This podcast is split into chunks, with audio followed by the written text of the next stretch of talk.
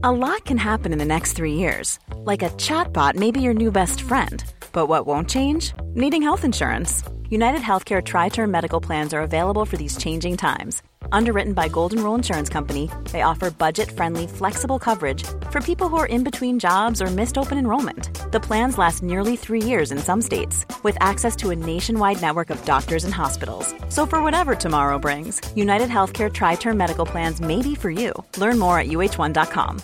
Ready to pop the question? The jewelers at BlueNile.com have got sparkle down to a science with beautiful lab grown diamonds worthy of your most brilliant moments. Their lab grown diamonds are independently graded and guaranteed identical to natural diamonds, and they're ready to ship to your door. Go to BlueNile.com and use promo code LISTEN to get $50 off your purchase of $500 or more. That's code LISTEN at BlueNile.com for $50 off. BlueNile.com code LISTEN. Ever catch yourself eating the same flavorless dinner three days in a row? Dreaming of something better? Well, HelloFresh is your guilt free dream come true, baby. It's me, Keke Palmer. Let's wake up those taste buds with hot, juicy pecan crusted chicken or garlic butter shrimp scampi.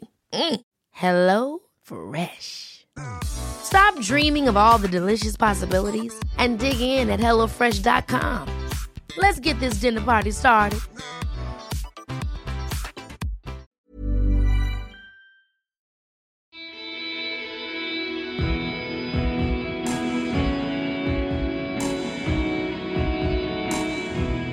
This is the Kaptara podcast. I'm recording this on the 9th of February in the year 2019, and I'm sitting in Oslo. So, this is the first international edition. Um, this is a podcast in Norwegian, even though I have recorded uh, actually three interviews in uh, English. And my first three uh, episodes have been in Norwegian, as they have been uh, interviews or conversations with my friends who are uh, happen to be runners. So it's been uh, it's actually been a podcast about running up till now. This conversation I'm going to have today is not going to be about running, even though we mention running, even though the man I'm speaking to is also a runner. But like everything in life, you're not only one thing, right? So Sid Garza Hillman is actually, um, I would say he's a philosopher. I think he has a major in philosophy, and he's also a runner. He's an ultra runner. He has his own uh, race up in Humboldt County in Mendocino, where he's from. He is a nutritionalist. He is a musician. He is an actor and he's also a father, uh, husband, and uh, he works at the Stanford Inn uh, in Mendocino. Uh, really great place that we went to eat when we were there. But okay, uh, let me tell you the background for why I did this interview. Um, I guess I can be honest enough to say that uh, Sid Garza Hillman is one of the reasons that I started the podcast because I guess his podcast is the one I've been listening to the most uh, since he had his last podcast, uh, Approaching Natural, and now he has a new one called What Sid Thinks. Just search it up on iTunes, it's really good. Um, well, the thing is, I have to back up. Uh, this conversation is from this summer in July and it's recorded in uh, Sid Garza Hillman's house in um, up in Humboldt County, um, just outside Mendocino. How do you pronounce it? Mendocino, Mendocino, Mendocino, maybe. I'm uncertain. Depends. I'm Norwegian, so I'm I'm not really sure. But the thing was, uh, I had listened to his podcast. I had listened to a few other podcasts. I had been uh, pretty influenced, and I had been thinking, how cool wouldn't it be to just start my own podcast. What should it be about? Well, should be about everything. I think about everything. I'm like interested in art, philosophy, running, music, movies, spirituality. Well, kind of. So it should be about anything, but where shall I start? Oh, I have to start with the simple stuff. I have to start with running. That's that's the reason I started the podcast. I've been running for four and a half years maybe, and uh, I started listening to podcasts like right away. I don't listen to music when I run; I listen to podcasts. And for some reason, I came over his podcast, uh, which then was called Approaching Natural. Uh, that he ended uh, about a year ago, or so uh, last year, and uh, well, he has a new one. So uh, don't be afraid. Uh, you can listen to it. It's called What Sid Thinks, and just find it there on iTunes because it's friggin' good, as he would say. So the thing was, I uh, was going to California this summer together with my uh, to-be wife. We got married this summer in San Francisco, and my two kids and um, another couple. And we were going on a road trip from San Francisco up to Avenue of the Giants, uh, you know, where the big redwood trees are. And um, I knew that Sid Garza Hillman lived up there. So I thought, what if I send him an email, ask for an interview, and on the way up, we just go via wherever he wants and I'll record the interview. It would be really cool to have an interview with Sid Garza Hillman on my podcast. Wow, that's a good idea. So I sent him an email. He replied. Uh, he was really nice and he was like, Yeah, sure. He wanted to do the interview and when and so forth. And I was like, Yeah, we're going to be there then and then. And he was like, Oh, no. Oh, sorry. I'm on a road trip with my family. And I was like, mm, Okay. But on the way back, where will you be then? Oh, then I will be back uh, in Mendocino. So let's meet. And we actually made a meeting, an arrangement for me to come by uh, his house actually because he has uh, he has a studio in his basement uh, where he records his podcasts and his YouTube videos. So what happened was that we drove down. Um, I had my kids, my wife, and um, uh, our other friends with me, and we left him in Mendocino. And I drove back to him.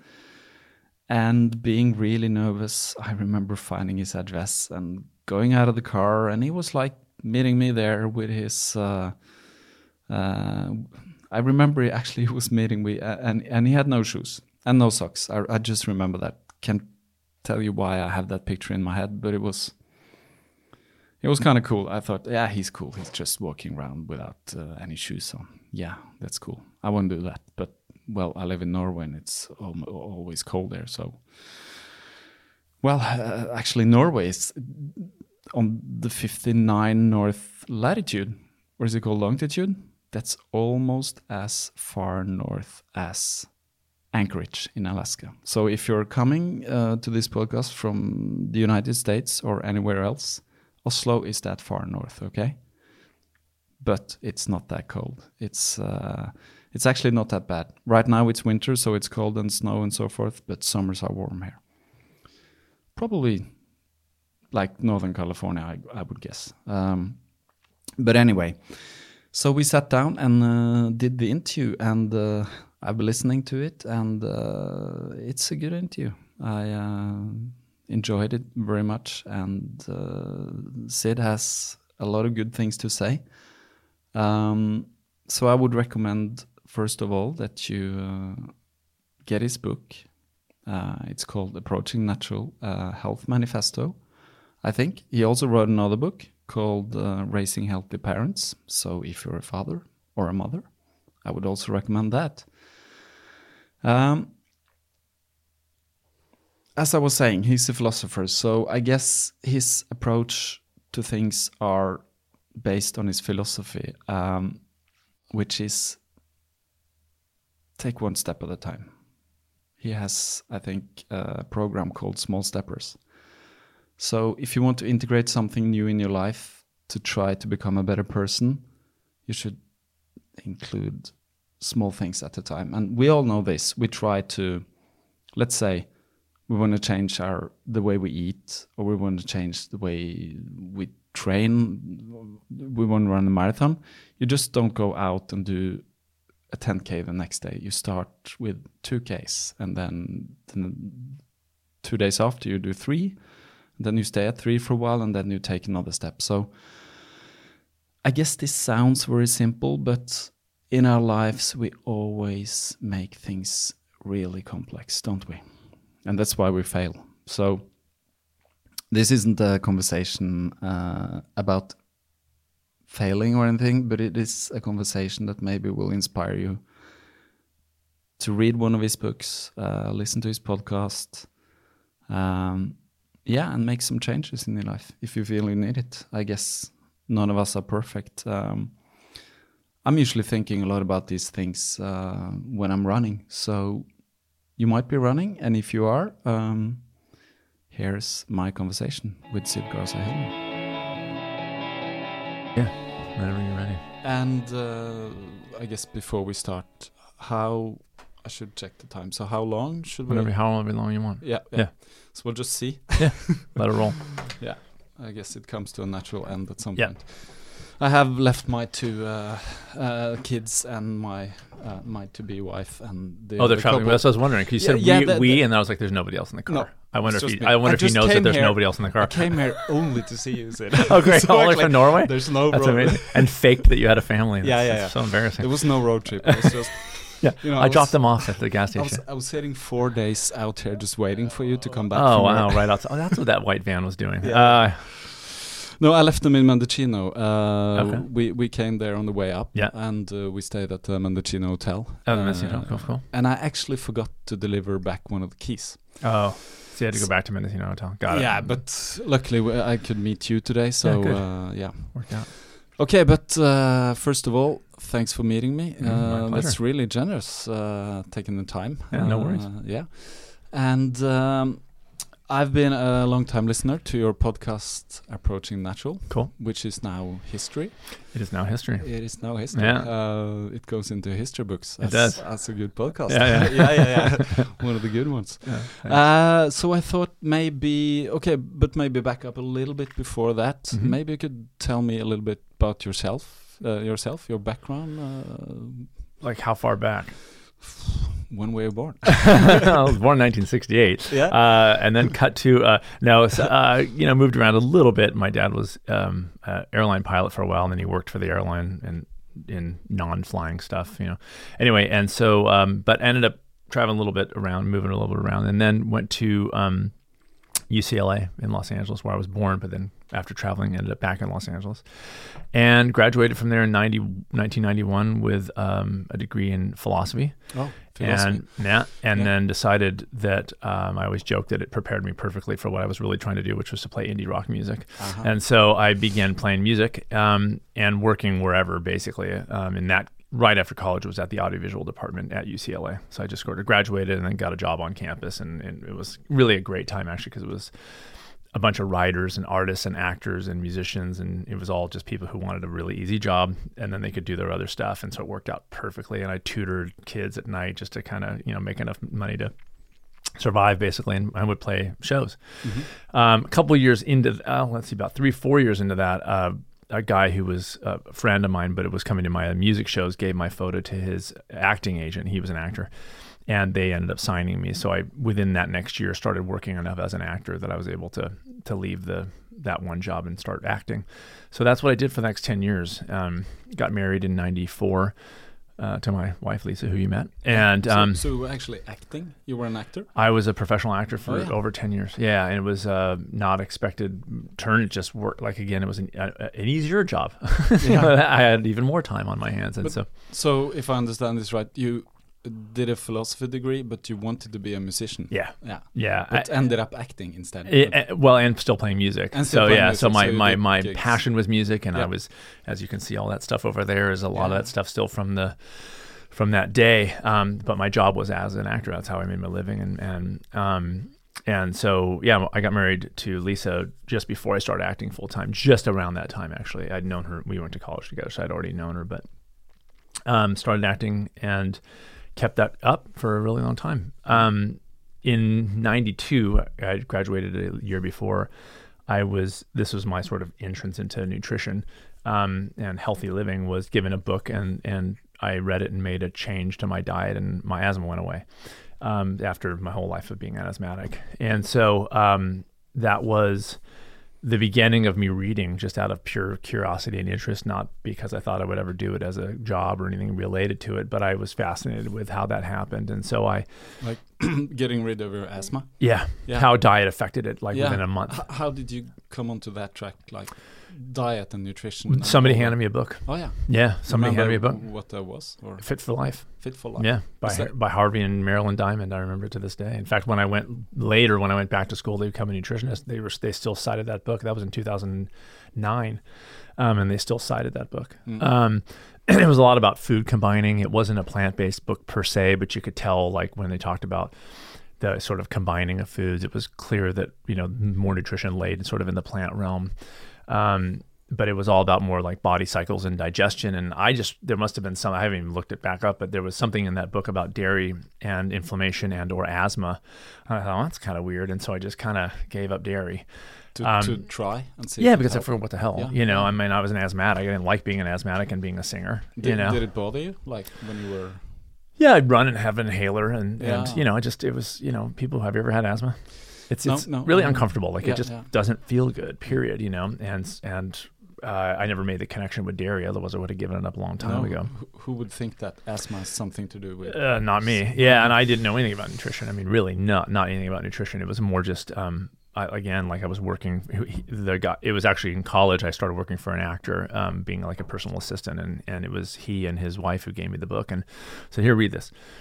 Um, check it out, and so I did, and my asthma was gone in within a month, and that was clearly like that was the deal. That was obviously what was. I wasn't plant based at the time. I didn't even know what brown rice was. I was eating che- the cheapest food I could find. I remember I'd go to a Korean market with this guy that was a roommate of mine, John John Atsuji, and we'd just buy these big bags of white rice. It was like the cheapest thing, you know. And I, for a while, at, at UCLA, when it, before I started acting, I would bring, I'd make just, I'd make, I'd either boil potatoes and then I'd get um, mustard at the campus restaurant, free mustard packets, and I would just dip potatoes in mustard, or I would have, I would just make a huge thing of of white rice and carrots and then I would get soy sauce for free from the, and that's just what I ate. Like I didn't, we didn't have any money, you know. I was making like no money, and so just that was just like sort of what I ate, you know. Because the salary of acting is Just really well, I was well, yeah, exactly. No, this is before I started acting. this Okay, is yeah, this is when I was Yeah. at UCLA. Yeah, once I started acting, I was making actually decent money, so I was, Yeah. I was able to. Is- Is there anything we might know about that you played in? That Yeah, I mean, I were uh, Men in Black. I mean, I have little bits, but they're there. Principal, um, Men in Black Two, and My Best Friend's Wedding, and um,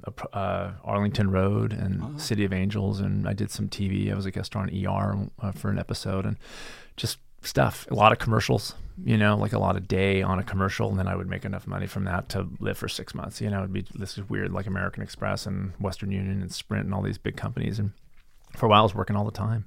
Did you enjoy it? I Yeah. did for a while. Yeah, I actually as a day job, it wasn't my passion, and and um, but I liked it a lot. And I remember one of the lessons I always remembered, and I've talked about it in, in the other podcast, um, was that my agent, my acting agent, he said, you know, you work a lot because you have other things going on besides acting. Because I was a musician, and I rem- always remember that to this day, like about how I talk about sort of people diversifying their interest, not being super hyper involved with just food or just fitness, you know, kind of. And I think success for me in, as an actor became because I didn't really give a crap. Like if I didn't get jobs acting, I would just find another job. It wasn't oh yeah, you know. And people who I had auditioned with, that was their whole lives. Way the way that music was for me actually, um, and maybe that's why I didn't do as well as I wanted to in music because it was I was so much wrapped up in it. I wanted to do I wanted it so bad. But acting I didn't really care. Like if it didn't work out, I'd go back to UCLA. I, I just didn't care. It was a great job, and so because I just you also had an education that was in philosophy. yeah, and So, yeah, and I had education. I could go back and I could go. You know, was I had options, um, and um, but it just worked out. So I worked and worked and worked, and then eventually, you know, after ten or eleven years, it sort of kind of started to not. Uh, there was a few things that changed. There was a strike and uh, a writer's strike. There was reality TV started happening, and so there was less jobs for act, actual actors. And um, so just because of those reasons, and me just being burnt on Los Angeles, we I, I we just decided to move up here.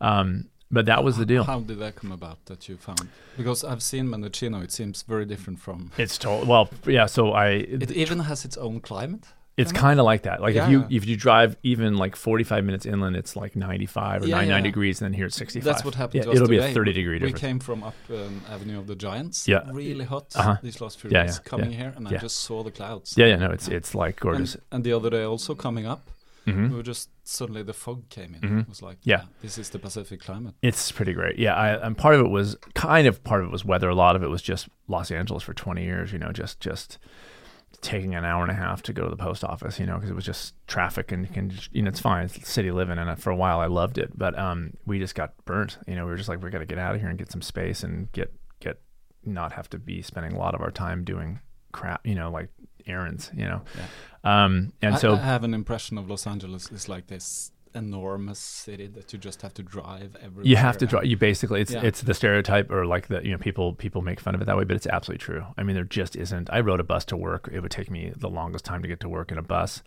for a while i rode a motorcycle in los angeles it was great it wasn't the safest thing but it was gr- great because when i was acting i was riding a motorcycle for for the first year of my acting i was still working full time so at UCLA. So I, my agent would call and say, "Hey, we need you to go out there for an audition." And and I'd go to my boss and go, "Hey, can I peel off?" He'd be like, "Yeah," but I just got on my motorcycle, would drive right to the place, kids park right in front because it was a motorcycle, and drive right back to work. And I did that for like a year until I had enough money that I could quit, you know.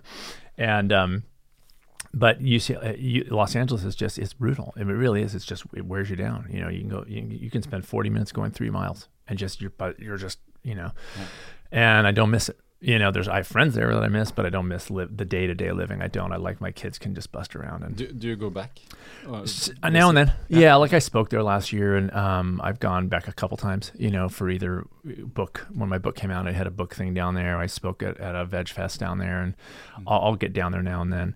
Um, but I, I'm not Jones, and I, I've gone. I go to New York almost. I go to New York every year. The last four years to speak there. I love New York because again, it's got less city feel, but also you can get around because it's public I've, and I've only been to New York prior. it's a better city. I mean, I love Los I Angeles. New I, I know, but I, it's New York. It's just a better. It's more fun to be there. You know, I don't know if I want to live there, but it's more fun to sort of negotiate and day to day get around and, people walk. You know, LA, you just there's you can't walk anywhere even. You know, you're just not out. In New York, the streets are full of people walking around Manhattan. You know, it's pretty great.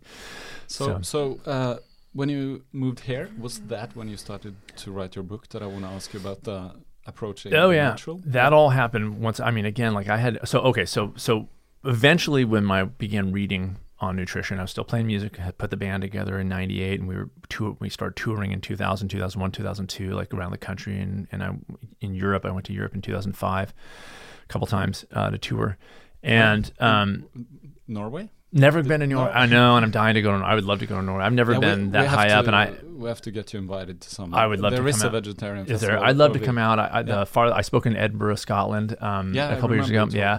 I'd love to get out. Um, I've been all over Europe in terms of you know when I was playing music, Germ- but mostly like Germany, Austria, Belgium, um, London. I had a, I did one show in London. Um, yeah.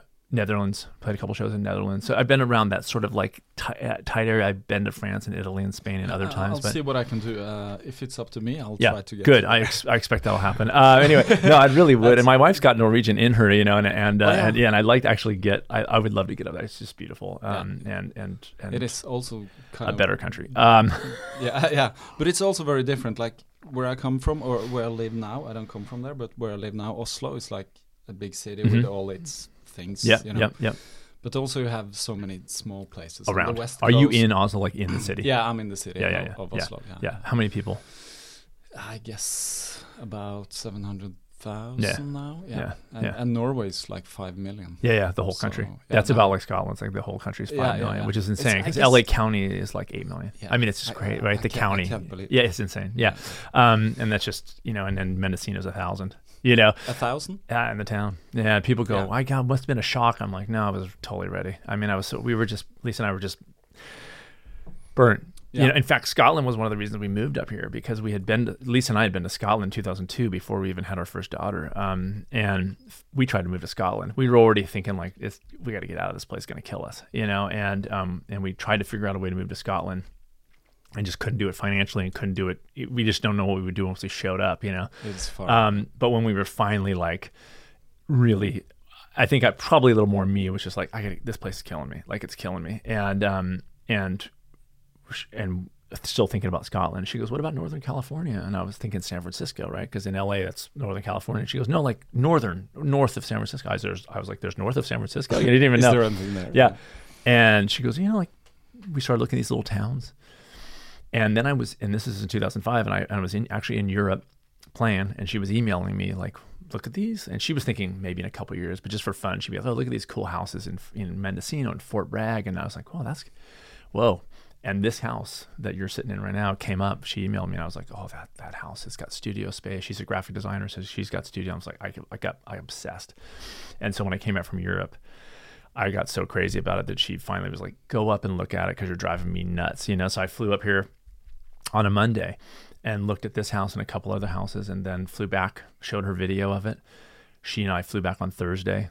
We offered on this house on Friday, and Saturday it was done, and we put our house up for sale in LA. Like So it was within it. six Wow. days. I'd never been here before. And that's how how perfect this place was, and also how ready we were to get out of LA. Like we were just like, and when we got finally got up here and moved in, and we were sitting in the kitchen, and I was sitting on the counter, and we both looked at each other and went, "What the hell did we just do?" Because we had no plan, you know, no plan. And like a year later, we're living off credit cards. We had no idea. Like it's just like so poorly, and we had a kid, you know, it was just so poorly executed in terms of. but we sort Yeah. of managed it out, you know. but and everything. things are like that sometimes that you do something and you don't really understand why and you know Yeah. further down the road Yeah, yeah. plan for it Yeah, yeah, yeah, yeah, yeah. Well, it's turned out to be good. Um, but yeah, it, uh, seems it was a little nerve so how did it come about that you started to write a book about uh, well i read it and it's not really about nutrition but it seems to me like it's more of a total philosophy of life That's That- right. that's how to approach kind of That's what it. we call the natural Yeah. which is uh, i don't know is it at the antithesis to culture or is No, it more a like a little bit? It, it, Yeah. It's, yeah, it's not so. So real quick. So when I kept reading on nutrition and then got up here and was like, you know, I was working as like a bartender and a server, you know, at a restaurant at at Stanford Inn actually, and I was already plant based at this time because I'd been reading so much about nutrition. And Lisa and I were both plant based, and and we we became that in 2002, just after the Scotland trip actually, and um and so so reading about all that stuff and I so I had already become plant based 100% and got up here and I just kept reading and finally I was talking to people about it and they were asking me questions about it and I thought I want I think I want to go back and do do this for real. So I went back to school, did a year and a half program in nutrition and started practicing as a nutritionist. And and but um, but can i just ask yeah, when you say uh, went back to school uh, was that like here from here, but it Yeah, was like yeah. a correspondence. But when i'm thinking nutrition in school isn't that very like traditionally based uh, Not the program I did. So No, so yeah, so, So I did not become a dietitian. I, No, I started so in okay, the United so States. there's a difference. Yeah, there a huge difference. yeah, yeah. so okay. so much so that when I was looking into dietitian programs, I was like, I ain't touching this one with a ten foot no pole. because Like, that's like yeah, I, I, I'm like, I'm not going to sit through courses of of you know corporate influenced information, knowing a lot of the stuff that I already know. I, ju- I, I frankly just needed uh, for it to be real and so that I could be insured, yeah, so that I could. framework for the whole I just yeah, and I and, and I learned a ton in my program, but I definitely had done reading for 15 years on it, you know, book after book. So I had a, I had a wealth of knowledge, but it was more like I needed it to be formal so that I could actually be like a real practitioner. That's what that's what I was really looking for. Um, and so I did that and started practicing with people local. I would like people I knew, and I'd sort of be like, "I'll do this for free," or "I'll do it for just because I wanted to sort of build my my approach, my style, how I was going to do this." And I found out within two months how much of a bigger picture this was than food, and and people weren't following. My, I would give them the plan, they wouldn't follow it almost every time. you, you were giving them like a nutritional plan Yeah, they'd What give me the yeah, Like, yeah. They'd come to me and uh, with a thing they'd want weight loss or pre-diabetic or something, and I'd say okay, and I'd get their you know look at their blood tests and I'd and I'd get their you know what supplements they'd been on and what medications, and I would craft a plan, and I would give them the plan. Um, and it would say eat these things and make suggestions and these times of day all the things that i learned in my that's what i really learned in my course was like how to be a nutritionist you know um, but it just wasn't it was just a f- failure after failure. People just would not i would see them two months later how's it going? Well eh," you know it's like it would never work. And that's that was the inspiration for approach the natural. I backed out again and said okay Yeah. this is this is i don't first of all i didn't feel good taking people's money.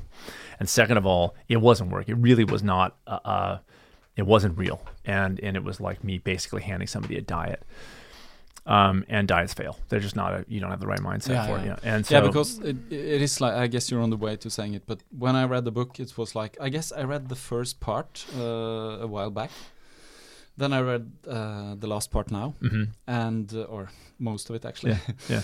and uh, it is like you said, it's like backing out and seeing the kind of holistic That's right. view That's right. because if you start to integrate only one thing, it's so easy to fail. But maybe you can tell me more about how how is your kind of approach or how is your philosophy around this? Yeah, well, the the so the, it started with me just being like, why aren't people following my stuff? I kind of had an inkling, but I was like, this is because I'm looking now. I'm sort of looking at my plans, going, I still stand behind them nutritionally. It's not that the knowledge wasn't good. It was just you can't st- you can't get the benefit of. I'll, I'll put this way: like in the Western world, we we have an expectation that if we're slightly just you know uncomfortable with a headache, we have a pill that can fix it. If we get a bacterial infection, we have an antibiotic, and that's amazing.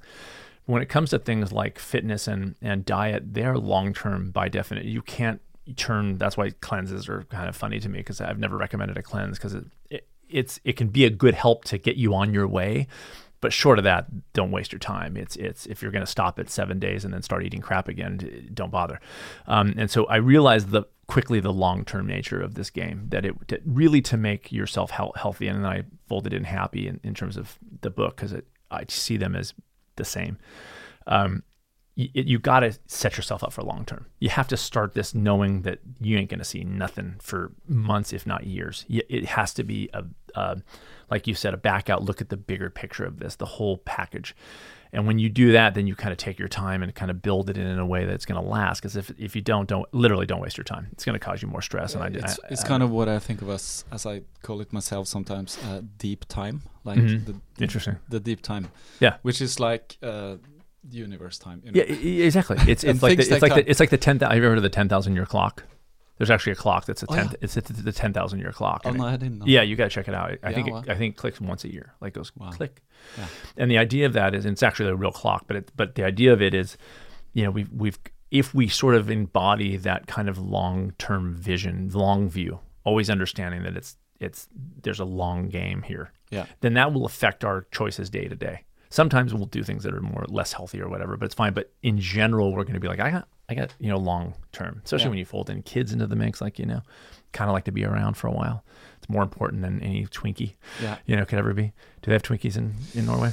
Yeah, You guys probably aren't advanced. You are not advanced like that. yet. uh, it's okay. You You'll, you'll come around to the Yeah, U.S. yeah, I know. yeah, yeah. You know what a Twinkie is, right? Yeah, I do. But you guys don't have them in, in Norway. Uh, I guess That's they're called something else. Is it it's these two bars? No, No? no, Okay, and no, it's no. sad that you don't even know what a Twinkie is. It's Oh. really, really I'll- I'll upsetting. figure it It's a spongy yellow cake Oh, with oh, oh. with some sort of plastic. I'm guessing white cream that is injected into the yellow.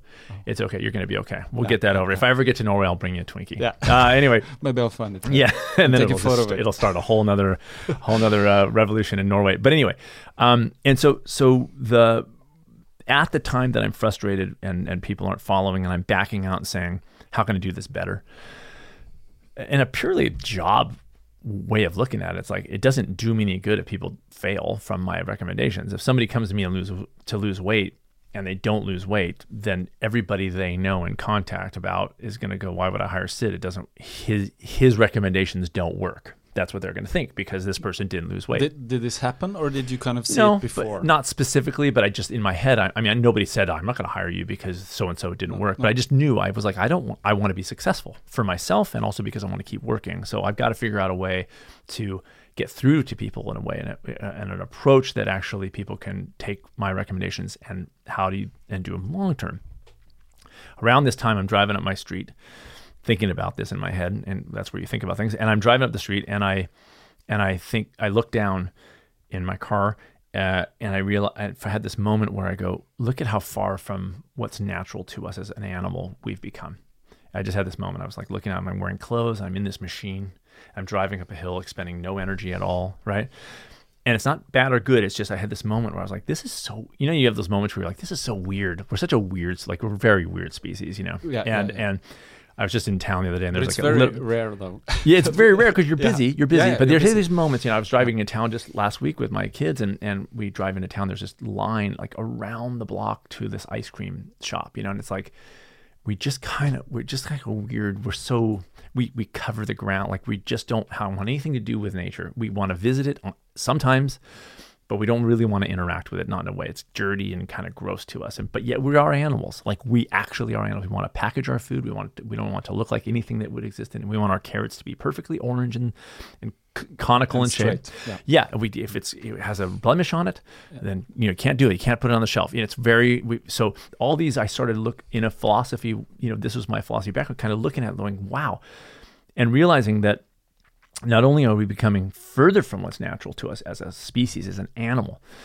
but at the same time, I thought, what happens if we sort of uh, embody that way of looking at ourselves, not leaving the modern world, not going to live in the wild, but what if we just brought in, because we recognize we're still animals, what if we bring in just a, some things here and there that are a little more natural? Not fully, because we can't be fully natural. I'm living in a house for crying out loud, but what if the food I eat and what if the way that I socialize and what if the way that I move my body mirrored a little bit more some of the things that we even artistic some of the way I use my mind mirrored a little more of what's natural to us.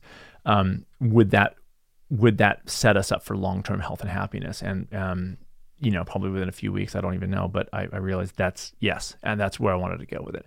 So I started really playing around with that and really thinking about that, and then started to talk to clients about that, and really realizing like starting to see already then this is 10 years ago almost 10 years ago people just hi- so hyper focused on food and i realized well this is nuts But why is that? Why is that? I see where I live now is like in Oslo, and where's you know everything is connected now because we're on, online, and Yeah. I see that kind of people are so into the things that Americans are into, like Mm. the low carb. yeah yeah all that nuts and nuts stuff they, yeah yeah They say, I even hear Norwegian saying using the word carbs, uh-huh. yeah, even though it's not a Norwegian word. yeah it wasn't even the american mean- dialect it was carbohydrate Yeah, for a while and all of a sudden it just carbs like the oh hydrate just gone off the Yeah, word it's just carbs yeah.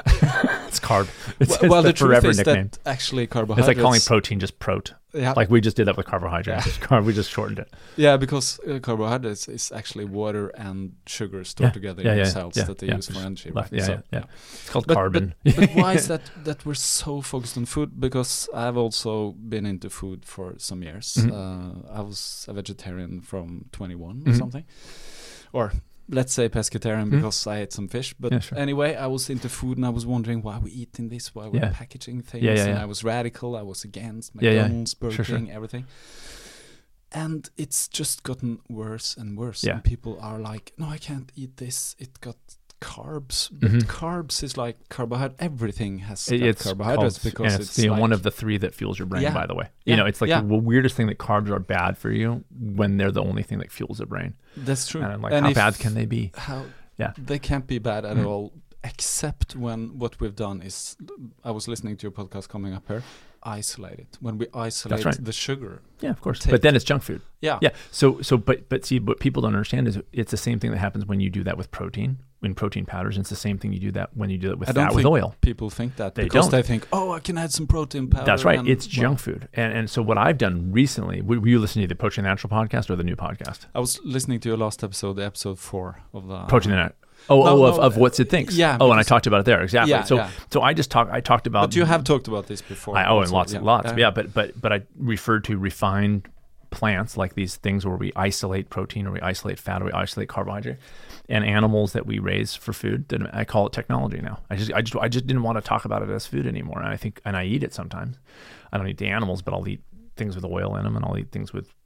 Pro, you know, if I'm traveling, I'll get a Clif Bar that has soy protein isolate. I'll Yeah, have I, things. I actually did today. Yeah, it's fine. 'Cause I have nothing else to eat. Exactly, Yeah, exactly. yeah, But yeah. you recognize uh, it's for me. It's not that, that that that some sort of militancy has to come out of this. That all of a sudden you know this and you can never do it because what happens then is you've got what I'm seeing now, which is people too stressed about food and crazy and they're I not think- happy. I think it's too much information It and is. conflicting It's information. it well, it's, they're diving too hard and there's yeah, and there's just too much, and then they're like so hyper focused on just that one aspect that all the other parts of their lives are are basically put down into the second, third, fourth, fifth place, and they're just not. It's one of the things, and if people remember that, then they can sort of again diversify and, and live lives that are full and have time for family and be able to go to social you know, to a party where maybe there's a little less than perfectly healthy food, but you're going to be okay. You're going to survive somehow. It's always weird to me that somebody wants to eat the very perfect diet, the very most natural diet, but then they're going to get into a car, which is totally unnatural. They're going to adjust the temperature if it gets just just a little bit too cold or a little bit too warm. We can't have that. But yet we're but but but we're going to just strive to do the most natural thing. If you're going to go natural, go natural. Yeah, But if you're way, going right? to try, yeah, if you're going to Yeah, try to yeah. put it into one place Yeah. and everything else you're doing is unnatural, you're sitting on a phone and you're you know texting people and that's the most social thing you do. Well, that's totally unnatural, isn't it? But yet you're going to try to eat the perfect. So I wanted to bring in a little more thinking into this process and say. I can dole out top 10 lists and, and hook people in in terms of top 10 superfoods. Yeah, which is what happens a lot. It's like these look are at the, look at the internet and what happens to right and what yeah. happens when you don't have context you get stressed because you you're going to do your best to get those seven foods in every day and and other things most likely are going to fail in your life because you're too hyper focused good to know that knowledge and then move on and try to figure out a way that works for you um, that that what that makes you happy and healthy. That's the goal.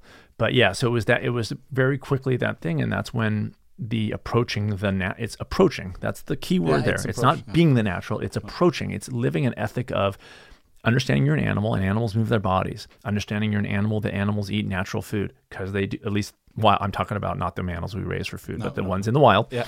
um, animals uh, socialize. So do we in person. You know we're we're kind of we do best in that way yeah. okay it's it's for whatever reason when i'm traveling and i skype my children you know, it's amazing to Skype them, but not on the same planet as being in the same room. I don't know what that is. It doesn't. It's you know, it's the same. You got a you got a kid. Yeah. When you see them on the video, It's- it's, it it's- almost it- makes you hurt more. Yeah, It- that was what was uh, what I was saying. It's kind of sad. Yeah. and It's been- better than better than texting, yeah, it's better even than better than phone. Yeah, yeah. but it's right. Actually, actually, um, my to be wife, I say to be wife, uh, because she is gonna be. Mhm. Uh, uh, she travels quite a lot in her work. you should have brought them uh, up. You should have brought them up. Yeah, I should have. could have played with the kids. Yeah, they could. I got nine-year-old twins for crying out Yeah, loud. yeah, yeah. Yeah. Although your kids are Norwegian, aren't they? yeah. Yeah, that's the problem. That's My oldest speak a little bit of English, just, but I, she's just, like, I was joking. yeah, yeah, But they still would have had fun yeah, because the universal language of play. Yeah, yeah, that's Right? true. That's true. Yeah. That's what I see also because I was traveling. Uh, I lost my train of thought there. Oh, you're talking about it's sad, almost sadder to see them. yeah, yeah, and uh, actually, when I was home alone with them, and uh, the mother was in England or Russia or somewhere, they didn't want to Skype her because Uh. it was kind of painful for them Oh, to yeah, see her. Yeah, yeah, and not being able to- not being able to touch because we're very like That's right. family We're physical. yeah, we like to be We're a physical species. Yeah. Right? Yeah, We're physical I think we forget that sometimes. We do. that we are actually very physical we, species. we're tribal. Yeah. We're physical. Yeah, we yeah. forget that. Of course we do. That's again, that's the way we separate from nature and we and, and we just it's And it's It a little bit us good. weird seeing how people, especially men, how they meet each other sometimes, and they kind of, you know, hug, but they have to slap each yeah, other yeah, really yeah. Yeah. Don't want it to be too No, yeah, yeah. no. Yeah.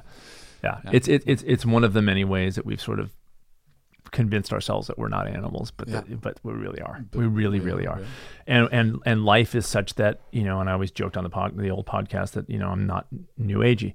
Um, li- life is such that we're we have very real things that we have to do, like go to work. We can't be with our families um, full time, and even if we were living in the in the woods, we wouldn't be able to necessarily be in the play. You know, we'd have to do things, but there's certainly be more of that. And um, and all I was just av- and still do advocate is just this idea of bringing in, not putting the pressure of trying to achieve what I don't even know what that would be. In you can't do it in the modern world like what fully natural. You can't. All the plants that are in the market aren't natural, even that's true. organic ones. I mean, they're made up by us. We couldn't Yeah, we create, yeah, but but yeah. but they're certainly closer They're closer. to what's natural than Yeah. the Twinkie that I mentioned. You know, and so it's it's by degrees of saying like, well, these are the most natural. Let me try to eke, you know, eke my way into those a little bit more often than not. It's pretty simple stuff. When it comes to moving our bodies, you know, sitting in front of a lap, even if you work out for 45 minutes at a spin class in the morning, you know, sitting in front of a computer screen and never getting up for eight hours Yeah, yeah. is not natural. It's just not. Now, I, I read somewhere that if you sit more than I don't know if it's 90 minutes or something, your body start gets into this. Uh, it it closes a few of the systems Uh-huh. to just preserve energy, Interesting. Yeah. Yeah, that that makes total sense. and that that's not good. I think No, you need not. to get up. That's right. You know, and then people went the other way, and now I'm standing on a treadmill all day, and that's uh, at a desk, and that's I think that's yeah. the other swing Yeah, of that's like Michael yeah. Greger, right? He does the that. treadmill, yeah, yeah. Um, and it's it's almost a little bit, you know. It's, Yeah, I yeah. think I think it's a little bit obsessed the other way. That's right. And so I think this is I hate to overuse the word balance, but I think Yeah. it's it's and balance isn't an objective or term for a, little bit like the middle way. I get in some in some at least I'll put it's hard for me to say like the middle way because I don't know what that is. It, it's up No, to it's up yeah. to each person because Yeah, I don't know what. Greger does at every other time No, in his no. life. You know, I don't know. I move around a And lot it- during the day. I guess it depends on your uh, extremes or It does. It, Yeah. What are your extremes? Where's your middle? Where's your life? You know, when you consider all the things, like I move around a lot. I, I move around at the wellness center at the Stanford Inn. I'm up and downstairs all day. I don't need to stand at a at a at a you know treadmill desk No, because same. I'm on the move. Yeah, So- same same here as a photographer. I'm really a lot around. Uh, Yeah. I don't like the part sitting down with my computer doing Uh-huh. the editing and Yeah. all that. It's just you know, it's you get all answer. Yeah, I, I move and, and and so you know what I told clients pretty early on was you know what I call integrated exercise, which is set an alarm on your if you got technology in your pocket anyway, which is the stupid phone, um, but it's useful. Hmm. Um, set an alarm that goes off every hour, and you get up and do a few squats, or you walk around for 20 seconds. You know these little moments of just breaking that up, and and that is to me, I'll fight this forever. That's more natural. It's not natural, full on, but it's more natural than sitting in front of a computer never moving. Yeah. Um, And and maybe uh, try to walk to somewhere instead of driving. Yeah, or once take you your bicycle. that's the thing. Once you, I mean, this is the thing. Like, I just got back from a trip with my family. Um, my parent, my dad turned eighty, and so they rented a house, and we went out to Lake Tahoe. Um, and I would go for a run in the morning with the dog, and Lisa would run everything. But then everyone would go to the lake, and I would uh, later in the day I would run to the lake. You know, just people would just they always meet you there, and I would just run over there. Um, How and I- far was that? it was like a mile and a half, not less than a mile and a half, you know. But I already ran that morning, you Yeah, know, yeah, and so it'd just be yeah. like, well, I might as well run over. You can know? run twice. the- Yeah, I, you, not only can you run twice, but like it's I would almost get there around the same time. By the time yeah, got in the car and drove and parked and then walked, I would sort of show up like within minutes. Yeah. Um, and it's just it's just this like like you said like once you kind of put it on your radar as as living a little more a little more bringing a little more what's natural, then you start seeing areas you can do. You start going like, well, since you're already thinking about it, well, maybe I'll just take the stairs this time. Since you're already thinking about, it, I'll walk from, I'll Yeah. park a little farther away and walk. You I know, I, like th- I think it's a little bit like you push your boundaries. Mhm. Oh, I can actually walk there. Yes. Well, then I can walk. You know, That- that too. tomorrow also. that's you. It's on your. It's all on. Maybe thinking about this, this weekend I'll, Yeah, I'll move like that's right. Five miles or something. Yeah, and it's Yeah. same thing. And by the way, the same thing goes for food. Like once you start sort of thinking about what's natural, then it's like, oh well, I'm having you know maybe this not so healthy thing, but maybe I'll just have some lettuce with it. I'll start to bring in. I'll maybe I'll have a couple apples in the morning. You just you kind of start thinking instead of going all the way to a diet starting tomorrow that freaks you out and you don't know how to do it and it's and stressful. you have like two ounces of that, and, and you're blah, blah, measuring, blah, and you're blah, spending blah. all Yeah, this yeah. time and energy, and you're gonna and you're setting yourself up to fail. You're gonna fail. Chances are. Um, instead, saying, let me start to look at the areas of my life that I can be a little more natural, even if I have to spend time with a friend for just a few minutes. Better than seeing that person uh, it, never. You know, and so it's like, and or maybe I can draw for. This is where my small steps thing came in later, yeah, I which was, yeah. I was asking you about that because this is uh, when you had the Approaching Natural podcast, you were talking about the small steps. that's right. And what you mean by that is that you integrate things a little bit at a time to not kind of overwhelm the system and the decisions you have to make. That's right. So forth. Yes. Um, where I came in differently, and I and I and I always stress this is is because I once in a while people will talk about micro steps or they'll talk about small steps, and they tend to be like you know if you break down your thing into two minute increments, and that wasn't de- small steps to me is an ethic. It's a it's a philosophy. It's in and of itself like approaching the natural is a philosophy, and what the philosophy says is whatever you bring into your life that you're not doing now, whatever new thing that you're going to do, it's in, if you want it to be successful and long term, you've got to, and I'm, this is what I do as a job, help people figure out what amount of that thing they can start doing that, that keeps them in this nice little adaptive stress place, not too stressful and not too little stress. Too little stress, you kind of sit down, you're, you're, you know, you're like, you're stagnant. You don't do anything. Yeah. Too much stress, you're leading to burnout. Right in the middle there, you're bringing something new and you are adding stress, but you're doing it in a way that you you can you can set yourself up for long term. That's the definition of small step step for me. It's mm. not two minutes. No. it could be two minutes, but it also could be 20 minutes. I mean, if I'm a runner that runs six miles a, a day and I want to start increasing my mileage, I might go a mile more tomorrow. But if somebody's never run, their small step might be one minute walk around the house. I, I, I'm not going to ever and never did set somebody's, here's your small step. I don't know what that is. Some people are motivated and to change their diets a lot because they already are sick or they're just done with being unhealthy and they'll change their small step will be a, a huge change today compared to what other people might do. But for them, it's a small step because it's that nice little stress area. They're not stressed out by it. They're not so stressed out by it. It's not too little. It's not too much. It's that always that questioning. But it was very important to me to, from, to distinguish what my approach says versus other people who talk about small steps because they, they have this idea of like, everybody's small step is this and sometimes that's too small for somebody like Yeah. they can do more It and sometimes it's it too doesn't much do anything really. no, and I wanted to empower somebody that they didn't need me to tell them what size step. I wanted to train them so that they can figure it out because they can apply this five years from now to anything that they decide to do. I want to try drawing. Well, if I if today I want to start drawing and I go to the store and I spend 150 bucks on you know, on charcoals and canvas and all this kind of stuff and I spend three hours a day because that's what you do. And then uh, two Ten weeks later, thousand hours. yeah, ten thousand exactly. And I want to get that done the first Yeah, week. yeah. Um, and then two weeks later, I burn. It's it's like too much, and I, and then it, that stuff sits there. And I have worked with people who have art stuff in their room because they used to love art and they still do, and it just sits there because it's just their idea is too much. It's it's a little bit like uh, middle-aged men that you know have has a lot of money and they want to start photography and Mhm. they buy like equipment All the great for equipment. like five thousand dollars. Yeah, yeah. yeah, and Yeah. wow, and it's cool for two weeks and then That- they're finished. Okay, and that's exact. That's such a good. That's exactly why I realized that this was a bigger picture than that. This approach could could could apply to everything because Yeah. that's exactly what happens. People get excited, and that's what a diet is. They get excited about the diet, and they get they go to the shop, they get the shopping list, and they get all the ingredients, and they're ready, man, and, and they're so so exciting, and they might even lose some weight in the first couple weeks. But what happens? They go they go back Yeah, yeah. because it's just you didn't set yourself up. Because it's like it takes a lot of energy to change a lot of things. Yes. At the time, Huge. right? So we're, we're able to do it a little for a week or two, and then it's like, oh, I'm so I, I want to go back to the the pizza. the stuff I don't want to think about. Potato chips. I don't want. I'm t- yeah. but you know why? Yeah, Because it's it takes energy Yeah. to think about stuff. yeah, yeah, yeah. It does. You know, if you're a you're a photographer, Yeah. so if I wanted to start taking pictures, do you think that if I just t- started taking pictures of my phone, that would be a start?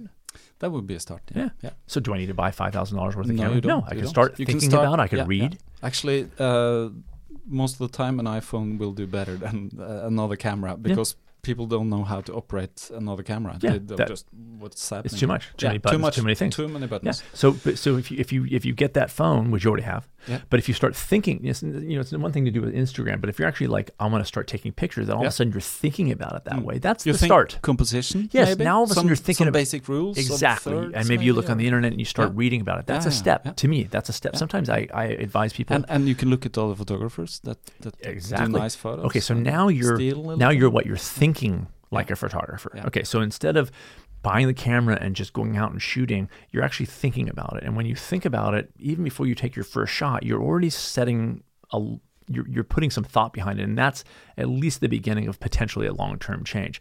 You're not going all the way and have these ideas of what you're, eh, you know, who knows. But when you just say, all I need is a phone, let me start thinking about composition. Let me go on the internet and start re- looking at some articles, watch some YouTube videos. I mean, the amazing time that we're in is that you can do this now. You don't have to go to the library and get books, and you can go on the internet and get cl- classes for free. Like it's You can, nuts. you can. And you can at least start experimenting. And then if you like it and you're doing this for three, four, five months, then you know spending a couple grand on a camera may be totally appropriate. I mean, I'm, I've got this nice microphone. Yeah. I didn't get this until five years after I started my first podcast. You know, I just got this. You know, A and it's cheaper like, microphone will do in the beginning. it will be fine. I, it, I Most people won't notice. Anyway. they really, really won't. I mean, there, there's some things that I liked about this one just because Yeah, it's yeah, like on the nice thing that I can pull over to and me. it's dynamic, right? So if you move in, yeah, it's, I love it. yeah. I mean, I love this microphone, Yeah. but it's but it's totally nerdy. Like nobody, getting probably nobody, probably nobody knows the difference. No. I mean, really, probably nobody No, knows. no, it. but no, but no. but I like it, and so it's fine.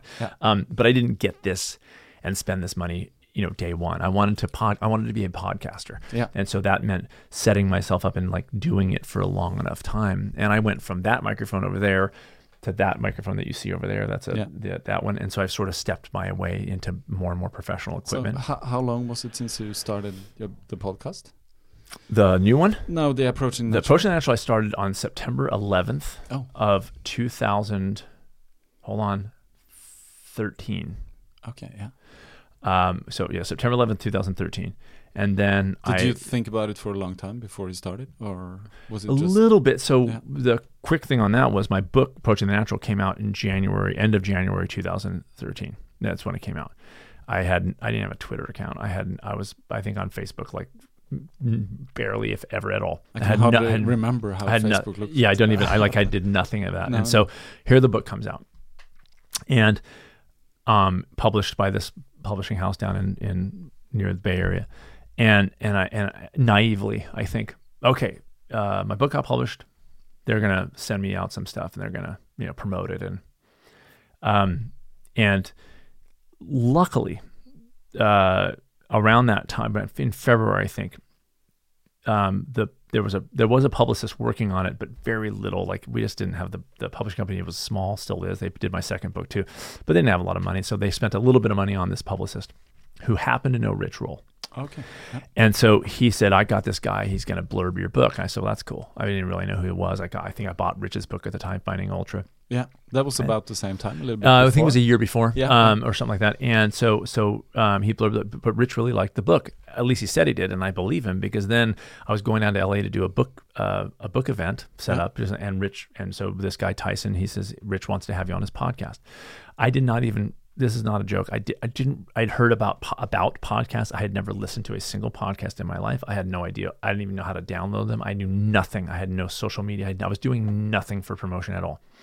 So there I sit and uh, go down to LA. I do this book event, and then I go over and Rich, and then I actually had a thing with Rich. Rich and I did this like thing, a little Q and A kind of thing. And then that that that the day before, I had gone to his house to record this podcast, much like you're doing here. Yeah. And I go into and I go into his garage, and I'm and it's in his garage, and it's fine. It's a nice place, you know, it's a cool house. And I'm like, this is cool. I don't think literally anything about it. I'm like, fine. And we talked for like two hours. I had a great time. We really hit it off. I remember I uh, I went back and because I started to listen to the Rich Roll podcast and I guess yours and the No Meat Athlete, Yeah, right? Athlete. Yeah, Matt. Yeah. And I think I went back to listen to uh, the episode where you Mhm. were in, but I guess that must be two years ago since I heard it. Oh yeah, and probably. that was three years prior. After that, yeah, exactly. Yeah, yeah. So uh, there I am sitting there, and and and off mic. I think after we finished the the recording, um, he was asking about the book, and I said, "Yeah, it seemed like, yeah, I thought it was going to have more stuff." And now he was on a way bigger publisher than I than I was, and still is. Um, and he said, he said, and this is why I always will support Rich because he's he basically really helped my career because of that podcast, which I had no idea the reach that he had at the time, even and now Wa- it's was bigger. it big? uh, Already is point? big. It was yeah. already big. Yeah, yeah. And still to this day, people go, I heard you on the Rich Roll podcast. Like yeah, it was yeah, huge. Yeah. He's great. But he also said, let me tell you something, Sid. My, now, my book had already been on almost two months at this point. He goes, let me tell you something. Um, I'm, he was on Crown, which is like a big publisher. He goes, I thought too, like you, that when my book came out, I would get a list of bookstores that I was going to be doing the tour. And whole, he goes, nothing. He goes, I had to call bookstores myself. And sometimes I would call and there would be two, I'd do a, a book reading. There'd be two people there. Well, that was, my book was already out. So I went, uh oh. And so I flew home and I told my wife, I was like, I'm like, this is bad news because I have done nothing. I expected all this stuff that was going to, and nothing. No- I mean, uh, not nothing, but I mean, I was on the Rich Roll podcast. But again, I didn't even know the value of a podcast. So I just started emailing bloggers. I just started searching on bloggers that were sort of talking about this stuff, and I just would email them, say, "I have this book that just came out. Would you be able to review? You know, would you be willing to review it?" Um, and I got responses. Um, one of them that was Matt Frazier, the No Meat Athlete. Oh, yeah, um, that's all Matt. Matt emailed me back and said, "Yeah, I'll, I'll, I'll send me the book." And then he featured it, and and all of a sudden it started. The word started getting out. I, I think it was from him that I heard about the book and the podcast. It could have been, yeah, It could have been. He featured on his like top five summer Yeah, book yeah, reading yeah, list, yeah. you know, and um, and it then all of a sudden I was like, oh my gosh. Well, anyway, so so I got off my ass and realized I had to do the work myself. I, clearly, um, but because of that podcast too, Rich's podcast, I started thinking like, you know, and this is probably my acting career a little bit, and maybe the music. I felt comfortable, and I thought this sounds, this could be a medium for me. Like this kind of sounds fun to Yeah. talk to, and so I started. A buddy of mine, Mike Farrenkrog, uh, who just passed away last December, um, unfortunately, but he helped me get set up. And he goes, "This is an app. Try this one. Here's what you do, and here's how." And he set me up with a to listen to a bunch of like uh, not related to health, just podcasts in general. He goes, "This Yeah. is good," and just so I got a sense for Yeah. about the last next six months. I just started listening to podcasts. That's all I did. I listened to WTF podcasts. I listened, uh, I think Joe Rogan. I don't know if you've been out or if you listened to it, but then I would listen to like finance, to whatever, just to okay, here's how it kind of rolls, you know. And so then September of that year, I got that microphone right there, which I already had because of music. I Yeah. just had it. I got it. I got a, I got a. I got a thing like this that converted it to USB that I could plug in my laptop Yeah, you're just and recording. I started going, Yeah. and that was it. I had no idea where it was going to go. Um, it's knew a little bit like me. I Yeah. decided to start this. I don't know where it's going to Yeah. go, but all I'm sudden it just influenced by Rich Roll, you, Yeah. other people. I've It- listened to podcasts for as long as I've been running, which is Oh, yeah. like for four years maybe. Uh-huh. It's just great when you go on Ah, long runs. Uh, people are, oh, don't you listen to music? No, I want to kind of learn something as I run. Yeah. Uh, it's it's great because you have nothing else to do. It's like No, it's- it's you're very focused on what you do, and you kind of integrate it into your yeah. Yeah. It's there's nothing. I mean, I am such a podcast, just like a fierce defender of podcasts because it's it's to me the way that you know shows are like on TV where it's you're you're they're broken up into segments because you have to break for advertising. Then they're they're limited by time because you have to the show only lasts so long, and then they're limited by things you things you can and can't say. And then you've got podcasts where you've got this ability to go actually deep. To, and, and to me, I'm going to be a weirdo this way, but I, it's more natural. To me, it's it's it's it's a step. It's a step into more actual open communication Yeah, that we can sit and have a conversation and Yeah, not be dictated. Oh, I got to go. That's got- it. you know. That's it. It's like a conversation. It's a real of- thing. Yeah. So instead real of- information's getting there. Yeah. Instead of a radio program, sometimes you listen to it on the radio and there's a discussion, and they say, "Well, well, well, we have to cut off now, people. It's the news at six. Yeah, So- exactly. And it's yeah. edit and it's edited later, maybe. Yeah, you yeah. know, and these could be edited, sure. But a lot of the podcasts, every one of them I listen to, almost everyone is Yeah. is freeform, and Yeah. it lasts a long time, and you can get deep. And after that two-hour conversation with Rich, I thought this is the coolest thing ever. Yeah, know? and that's that's what I mean. Uh, uh, it's a little bit like deep time also when because he sits down and has these long conversations, Mhm. and sometimes uh, I have to listen to a podcast maybe over three runs. It Yeah, but right. it doesn't matter. It doesn't matter. And it, the beauty of these apps is it picks up right where you left Yeah, off. it does, I it mean, does. it's like there's nothing bad about it. Like it's amazing. My only I- nerve, my only thing that bite, makes me bite my nails is if sometime some regulation happens or some, you know, it, it- right now it's it's like to me it's the last subversive medium. It's like nobody touch. Nobody can touch it right now. No. If that changes, Yeah. man, the While world will be worse for the it. other media is kind of Yes, it's dictated. yeah, Yeah, yeah. that's right. Um, and and I'm sure there's podcasters out there that are sponsored by companies, and I mean I know there are, but maybe Yeah. there may I, I don't know this, but maybe there's exists some podcasters that are sponsored by companies, and because of the company companies they're sponsored by, they have to, you know, sort of make their maybe they have to change their message a little bit. I Yeah, don't yeah. know. and they say no foul language. Yeah, who know who knows? Don't and talk I, about and I don't play that game. and- yeah, yeah, that's why I love Patreon. Like that's kind of how I'm being supported now a little bit better because it's like then it's it's direct to the people and it's not through you know Casper mattresses or whatever. I don't even know. Um, not to say I wouldn't like the money. Um, I No. don't. I don't like reading ads, and, and no, to me, it's you like I don't just live off the podcast. Uh, no, I don't. It's- I mean, I'd like to. living. I'd Yeah, love yeah, to, yeah. but I still don't know if I'd like to go the sponsorship But- realm because I just don't know. No, because you talk about this on your new podcast. Mhm. It's like you, you you have no sponsor and uh, you're not really interested. Um, because you have said on the new po- podcast that I'm taking my gloves off. I'm taking the gloves off on this Yeah. one. Yeah, yeah, yeah. And and I have listened to the the three first ones, and I must say I like I really like Oh, it. you do? Okay. Yeah, I, I love it. And uh, as you said on it, I think you had six months off was a good thing. it was. Yeah. Uh, you did 222 episodes of the Approaching Natural, 222 yeah. and one every week. every week. you Never miss- missed a week. Never missed it. Not only did I not miss a That's- week, I did. I, I never, I never banked. I never even banked. I never. In other words, I didn't do like, I didn't record like you know four podcasts on a No, given no, day and no. then and then wait. I Yeah. I would actually record it every Yeah, yeah, week yeah. Uh, for two hundred. I can't believe that I did it. I mean, I, No, looking that- back, I cannot. th- I carried my amazing. microphone. Like Yeah. I go on Yeah. this trip I just went on with my family a couple Yeah. years ago. They did they did it before. I brought my microphone with me, and while on vacation, I go upstairs and I record this. But I did it. I did it in Edinburgh. I did it in Atlanta. Everywhere I would travel, I'd bring my microphone. I would record it on that day, and it just it was the weirdest damn thing. Yeah. Looking back now. Yeah, but it's not like mm, well, you have your thoughts wherever you go. So Yeah. sometimes when you're alone in a hotel room in was fine. Edinburgh, wherever, Yeah. you can just speak, right? Yeah. What's on It was great. It, Yeah, it, it was fantastic, except that that looking back, especially toward the end, um, there were days where I was like, I really could use a break. Yeah. And in my mind, I was like, no, but it's a weekly. You have to. Uh, yeah, and so I, I started seeing me getting locked into my own plan, which was in the beginning, which was I'm if I'm going to do this, I'm going to do it, and I'm going to Yeah. do it every week, and that's what I'm going to do, and, I, and that was my plan, and that was amazing. It kept me doing it, it kept me learning about it and being engaged in it. Yeah. But there was clearly a point where that kind of shifted into a thing where now I have to do it every week, hmm. and then it was starting to stress me out, and Yeah. that's when I realized this is this is going to be having to cut, shut down. I didn't, you know, you start a podcast and.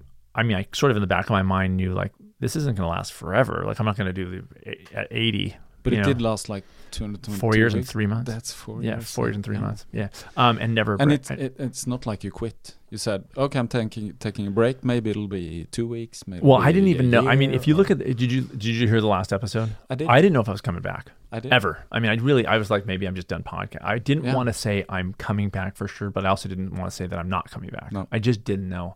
But And that I was liked- a good thing that you didn't say either or. I wanted the freedom in my own head. It's like I wanted the freedom to come back. because sometimes people say like, "Oh, I'm never gonna do that Yeah. again," or blah blah blah. No, But- I remembered loving podcasts. Yeah, yeah. And I, and even up until a few weeks before my last episode, I enjoyed it. It's just that more often I started feeling a little stressed by the got to do it, got to do it, got to do it. Um, if you listen to 221 the week before the last episode, There's no sign no of plan, you. No, no plan. In my head, there was no plan. In my head, there was like I'll revisit this at episode 230. I'll, I'll sort of Yeah. think about it and assess where I'm at. Still no plan. And then But- that following week, But the difference between the Approaching Natural podcast, which uh, you talked about small steps, Mhm. integrating things into your life. That's right. At, yeah. my approach. yeah. yeah. And the new one, wh- wh- what would you say the difference is? You say taking the gloves off, but does that mean that? I think you said in uh, I was listening to you on the plane over the number three, which was about Independence Day, Uh-huh. and I think at some point you said it's it's a fight. Yeah, It's like this is a fight. yeah. Yeah, yeah. I start, now, fight. now I'm seeing it this way. What what will you say?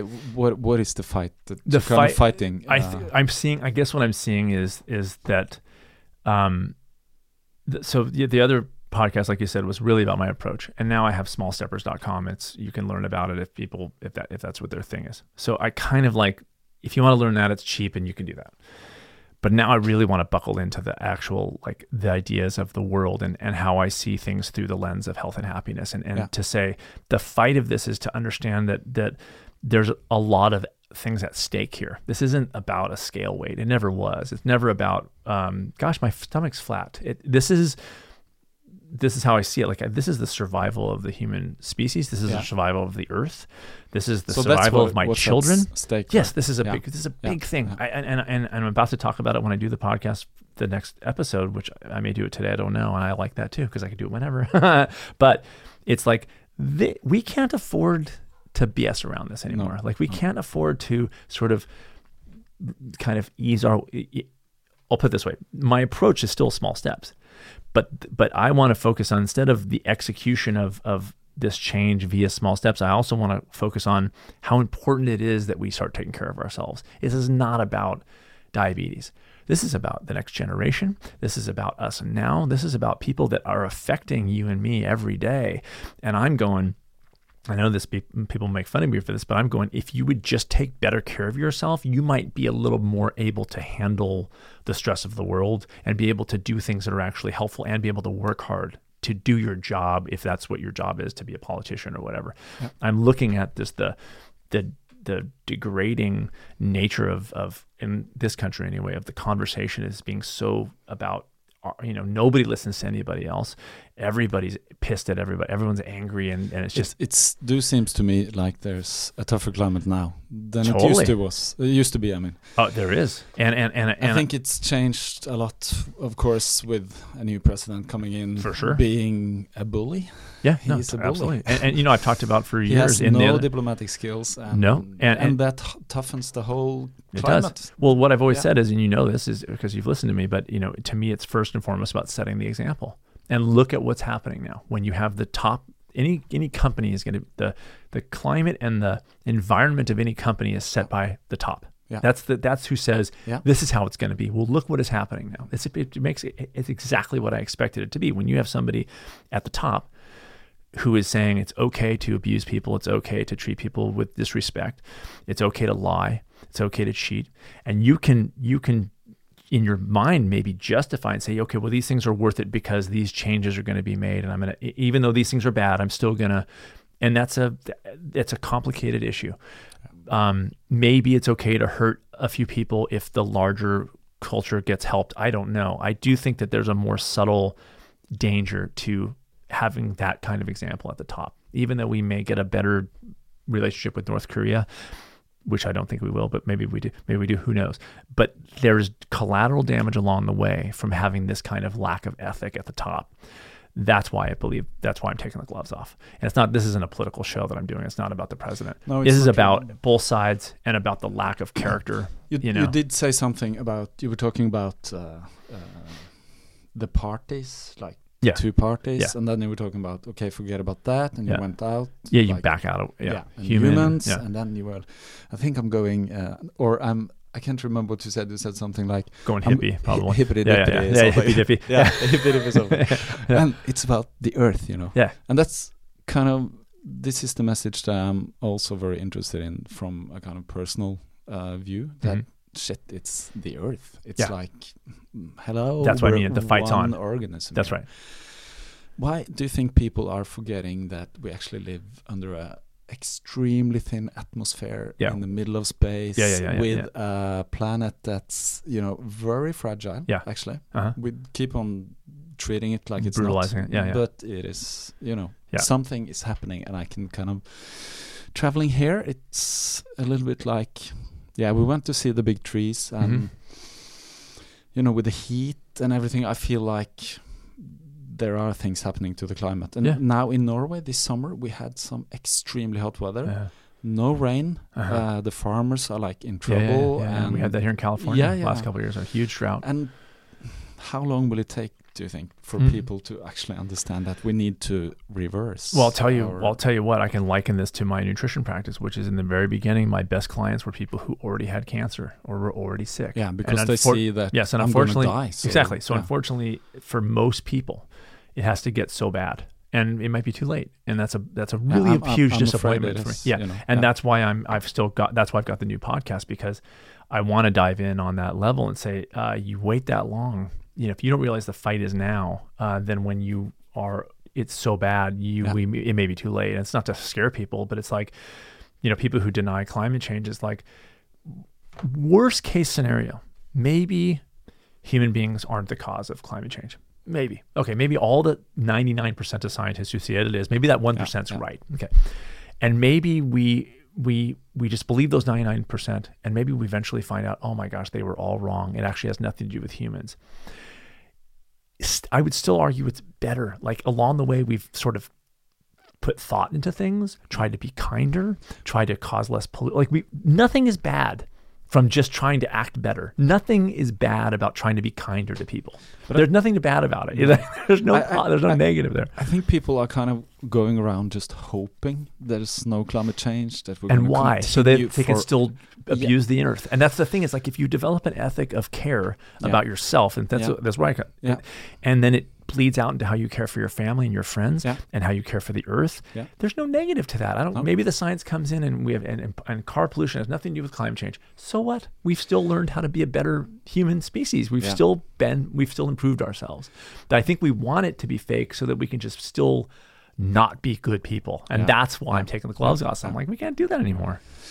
I'm, I'm thinking of this is something else. This is psychology, but I have read a psychologist here from uh, California. His name is Robert A. Johnson. You read his books? No, I don't think so. No, he's he's a great psychologist. He's like a Jungian psychologist. He's talking about the shadow, you know, Mhm. the dark Right. side that Sure. people live their dark side, and he's talking about the kind of importance of having some ritual Mhm. uh, to kind of um, use your dark side because Mhm. you have to use it.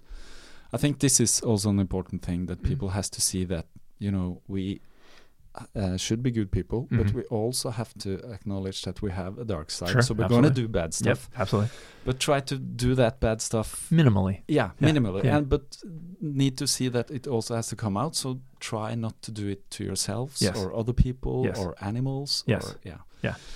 It, it- and what and what does it take to determine both what is is good and kind for us and both what is that darker side. It takes thought. Yeah, It it takes takes thinking about things. Yeah. Now, is it hard to think about things? Yes, because you got two kids. I got three kids. My wife and I both work. I don't know if you and your wife, you, I know you do, but your wife to be, she work. We're Yeah, yeah. busy. We're reading the news. We're freaked out by stuff. We're stressed about stuff. So it's for somebody to walk in, even if it's me, and say, "Hey, think about it more." Well, that's hard for people, and hard- include for me. It's, kind hard. of like when you sit down at a family dinner, you don't want to say that. Do you know what's happening to the earth? Yeah, yeah, You're exactly. Polluting, you're Yeah, yeah, yeah. eating Yeah, yeah, animals yeah. and blah blah blah. Well, nobody wants to hear that. nobody wants to hear- oh, yeah, and no, it's that- like I mean, that's a great point. But in addition to that, what I'm saying is, what it takes is is actually somehow finding the time to to th- contemplate, to sit and think, to slow down enough to look at stuff. That's hard to do when we're all so busy. Yeah. Much less getting mad at somebody at the family table. Yeah. Y- To to create your own opinions and to create your own ideas means figuring out how to find the time in a very very busy life to think about stuff. That Yeah. that's huge to do. we have to uh, acknowledge that we have to take away a few things, Yes, like maybe not binge watch Netflix. That's right. Like every day. hence the well, hence the small steps. Hence the so small so steps. that so instead and of maybe saying- start reading a book 10 minutes That's- that's what I'm uh, saying. when you go to bed that's what I mean, or five minutes before you watch Netflix. Yeah. Starting to carve Yeah. out a little bit more. That's what I'm talking. That's why the small steps approach. I'm so passionate about it because when I'm really and, and again, like I don't want people to think 100 percent like me. I don't even tell people what I. In terms of clients, I don't go like, "Here's what I think you should think." I want them to come. People often say, like, "I'm vegan," and I don't hide that. I've been plant based, whatever. I don't really talk about it that much, and especially No, that's approach to true. the natural. you, n- you never talk about that No. and i think that's okay because people it's a very loaded word It's loaded, yeah. and and I don't want people to be like me. no Now, a lot of my clients have become vegan. Yeah. Not because I told them to become vegan. but they not practiced it and see that it works not even that. They started thinking about their own diets. Okay. They started reading about stuff. They started moving their bodies. They started doing creative things. They started feeling better. And then the more better, Yeah. the better they feel, they start reading more things So- and looking into more. And they just naturally get there. Not not and they because become I maybe more conscious about exactly what's conscious consciousness is thinking. Yeah. That's what I mean. So if I can help people craft their lives and learn how to find moments in their lives to think, they often will get to to conclusions that I've gotten to, that you've gotten to, or and and in some areas and maybe other areas I haven't gotten to there yet, but I'm thinking about things in my own life. Yeah. And so I might have gotten already to plant based in terms of diet, but maybe I'm gonna I'm definitely, you know, getting areas in creative creatively back, you know, doing things now Yeah. um, that I used to do more before. Now I'm kind of back into that. Um, but if I can help people with my system to sort of, it's it's like, can I find time to think anymore? You know, and if you don't find time to think, you're going to do. You're either going to do what you were taught to do before, or not taught to do. You know, but you, you it's not you anymore. I don't want somebody to eat like I eat because I eat that way. If somebody eats like I eat, I want them to have gotten there on their own and thought about it and done it in a way that makes sense for them and makes them feel good, and then it to them has nothing to do with and then they can kind of make it their own Exactly. make it you know make the small adjustments right. that they need That's and- right. That fit to their life. Yeah. Not because I did it. You know, I don't want to. That's why, like a training plan, you know, for running, I'm a runner too, and, and and I used to follow those training plans right to the T. And then I finally, when I was doing my own approach, realized like these training plans don't know my life. They don't know I have three kids. They don't know I- that I only have a 45 minutes to run in the morning. you know. it's funny that you said that because i did my first marathon in april and i was like Yeah, that Awesome. was yeah, that was awesome to Yeah. just do it, even heck though it yeah. was very tough. Yeah. Uh, but I started training or thinking about it in September the year before, and I chose a plan that was very long, like Mhm. 24 weeks. Okay. And It was too much. Yeah. But I tried to follow it as good as I can. yeah. But at the point when I was closing in, I had more and more work as a photographer, Ah, and I was see. doing more and more running, and it's family and Yeah. it's your All life and I just overstrained myself. So when I was at the starting point, I was exhausted. Oh, you were, yeah. Yeah, Yeah, yeah, just yeah, from- yeah, yeah, yeah, yeah. so- I made the same mistakes when I did my marathons. And I cramped the last Yeah, few yeah. miles. Like, they weren't Oh, great races for me. No, no, no. They weren't the, great races The, for last uh, like ten kilometers was like just pushing myself. Yeah. Just being able Just to, to get down jog. and finish. Yeah, yeah, yeah. But that taught me that okay, okay. Uh, a, a friend of mine who's who's running, he's like, no, I don't care for training plans. That's I'm right. gonna run whenever I feel and Yes. different terrains and Yes. so forth. And I'm like, but, how do you know what to do? Yeah, yeah, yeah, yeah, yeah, yeah, yeah, yeah. because I didn't know what to do That's when right. I went me, out me running. neither. should I run fast, slow, Yeah. intervals, blah blah blah. Yeah. But now that I've tried a lot of things, I know what works for me. That's so right. I just need to figure out my own. Exactly. And what works for you isn't just about physiology and your body. No, it's, it's what not. works for you means your family life and your work life and Yeah. and where you live. And so I learned that too, and we both learned the hard way. I think that was my aha thing that it was the other parts of my life as well. That's right. I was just carving out this. Okay, this uh, four hours I'm gonna run that week Mhm. and five hours that week. But That's right. I just forgot that That's it. the and, rest of and, life. And, and, and the same exact thing can be said about a diet. Yeah. Um, people do that too, and they, and they do what the diet tells you to do, but it may not be appropriate for you on a given day because of other things. And when you forget about the other things, you lose every time. If you remember the other things, then you can kind of like, oh, I can't do this diet exactly, but I can do some stuff and I can learn from it. And now you know enough about running, unless you're trying to be a world champion. I'm not. I know enough I about running too to late. yeah, yeah, me too. And it's so it's sort of like I don't care. I want to have fun. I want to have fun with it. So I know how to train. I know exactly how to train. Do I know how to train a professional runner? Nope, not a, not a chance. Do I know how to train somebody who wants to run and feel healthy? Absolutely, because I know how to do that for myself, and that's to help them figure out what works for them. when we talk about running, you actually have your own race, don't you? I direct my own race. Yeah, yeah. Can you say just a little bit about that before? Sure. Yeah. I, I it was simply that I so I ran those two marathons. Um, Forty nine now is when I was forty five. Um, Yeah. So four years ago, I ran my first two marathons, and then in that same year, because I thought well, I'd never done this before, so I did kind of what you did, um, and then, but didn't love it, you know, and I wasn't really sure about about it. And at that time, I read Born to Run. Have you ever read that book? Yeah, it's a good one. that was what I read in the beginning. Okay. That was one of the things that got me running. Okay. Born to Run and Matt Frazier's No Meat Yeah, Athlete yeah. mails that he sent me. Uh-huh. Like today, go out, yeah. Yeah. take Exactly. a walk, yeah, man. run a little awesome bit. that way. Exactly. Yeah, so he actually got me running. He did. So I sent him an email Oh, you after I ran my first half marathon. I said, "Oh, Matt, thank you for getting me running." And Cool. Blah blah blah. yeah. No. and he answered. It was like, "Yeah, He well, did. Great. Oh no, he's great. Yeah. No, he's become a good a good buddy of mine. But yeah. Um, so um, yeah, and so so then so because I was sort of like, what's next? Um, and that book, I thought ultra running, like maybe that's something I could kind of do. The podcast was in full swing at this time, so it was something I could you know share with people who are following me, and I'm going to try this and. Um, you know, again, I'm 46. I'm not like a professional runner, not going to be, and this is something so out of the box for me, you know, and how to kind of work through that whole thing. And, and, and, you know, we have to understand like when we do a diet, it's, it is completely different for some people, you know, and that's what ultra marathoning was for me. It was like I'd already eaten well for a while, but this was something completely new. And so it's sort of like, how do I do this? And um, so I started running and, and getting on trails. I hired a, um, I was listening to a podcast, Ultra Runner podcast, and there was a guy that happened to be on that day named Matt Flaherty, professional runner, sounded really cool guy. And he said he was doing coaching in Indiana. And so I looked him up and he was totally inexpensive, like crazy. And so I just emailed him and said, Can I get some help from you for like two months? And this was like six months before the race. He goes, Yeah, sure. So he sort of helped me and, and that taught me a lot too because he didn't hand me a training plan. He said, I said, you know, I'm speaking in Wisconsin this week. He said, okay, so for this week, just do this, and then he would change it. And I was realized, oh, you can, you can change these things. You don't have to, right? So he had he had a plan for me, but then I go speaking, and then he changed the plan. I was like, oh, you can you can always change the plan, you know. and so he did that, and he would sort of morph it, and he worked through some nutrition stuff, and had me trying different. He was a really good coach that way because he he was like, today, you know, run the first six miles with no food at all, and then just have some gels or something the second half. Tomorrow, eat in the first half, but not the second half. The next day, have a peanut butter and jelly sandwich and nothing else. You know, like he would kind of mix it up, and so to find out what worked, it wasn't following it. That's so what you were thinking consciously about what works for. he was for your training. Yeah, but he freed that up for me because I realized like it, this is about a trial and error about my body and my stress and my family and everything else. And it was like he made that happen, and then I was able later to learn how to do that for myself. But he was he was great that way. Um, and so I ran my first ultra in 2000. Uh, I don't know what day it was, 46. So it was three years ago, and 2015. But in that training, um, and finding out the trails around here through my training partner, who's also named Sid. Um, she took me on all these. I met her just by chance. Um, I realized, oh my God, this area has some trails. I never knew. As I was, you know, when I was doing marathon, I was just road running. Yeah, because but uh, road running. What I've noticed here in uh, the states, it's impossible to run on the road.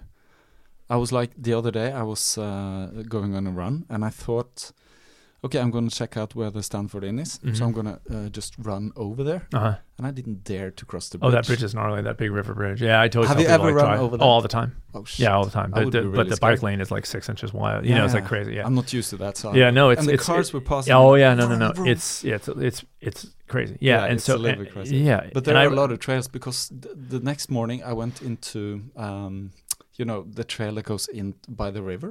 Yes, big Yeah, river. Yeah. So That's I- part of my race. Yeah. Yeah, that's part of the race. The Because first I- ten miles go up that big river. Ah, okay. Yeah. Yeah. How long is that road? Because I kept running. The big running. river. You can go. I think right now it goes pretty. You can go ten miles in. Okay. Yeah, Because yeah. I think I went maybe six, seven kilometers in. Yeah. Yeah. Yeah, turned around. Yeah, um, yeah, no, it's a great run. Um, but there was there's a ton of trails, and so I, as I was training for my first ultra with my training partner, I just one on one day I was like, how is there not an ultra marathon around here? This is insane.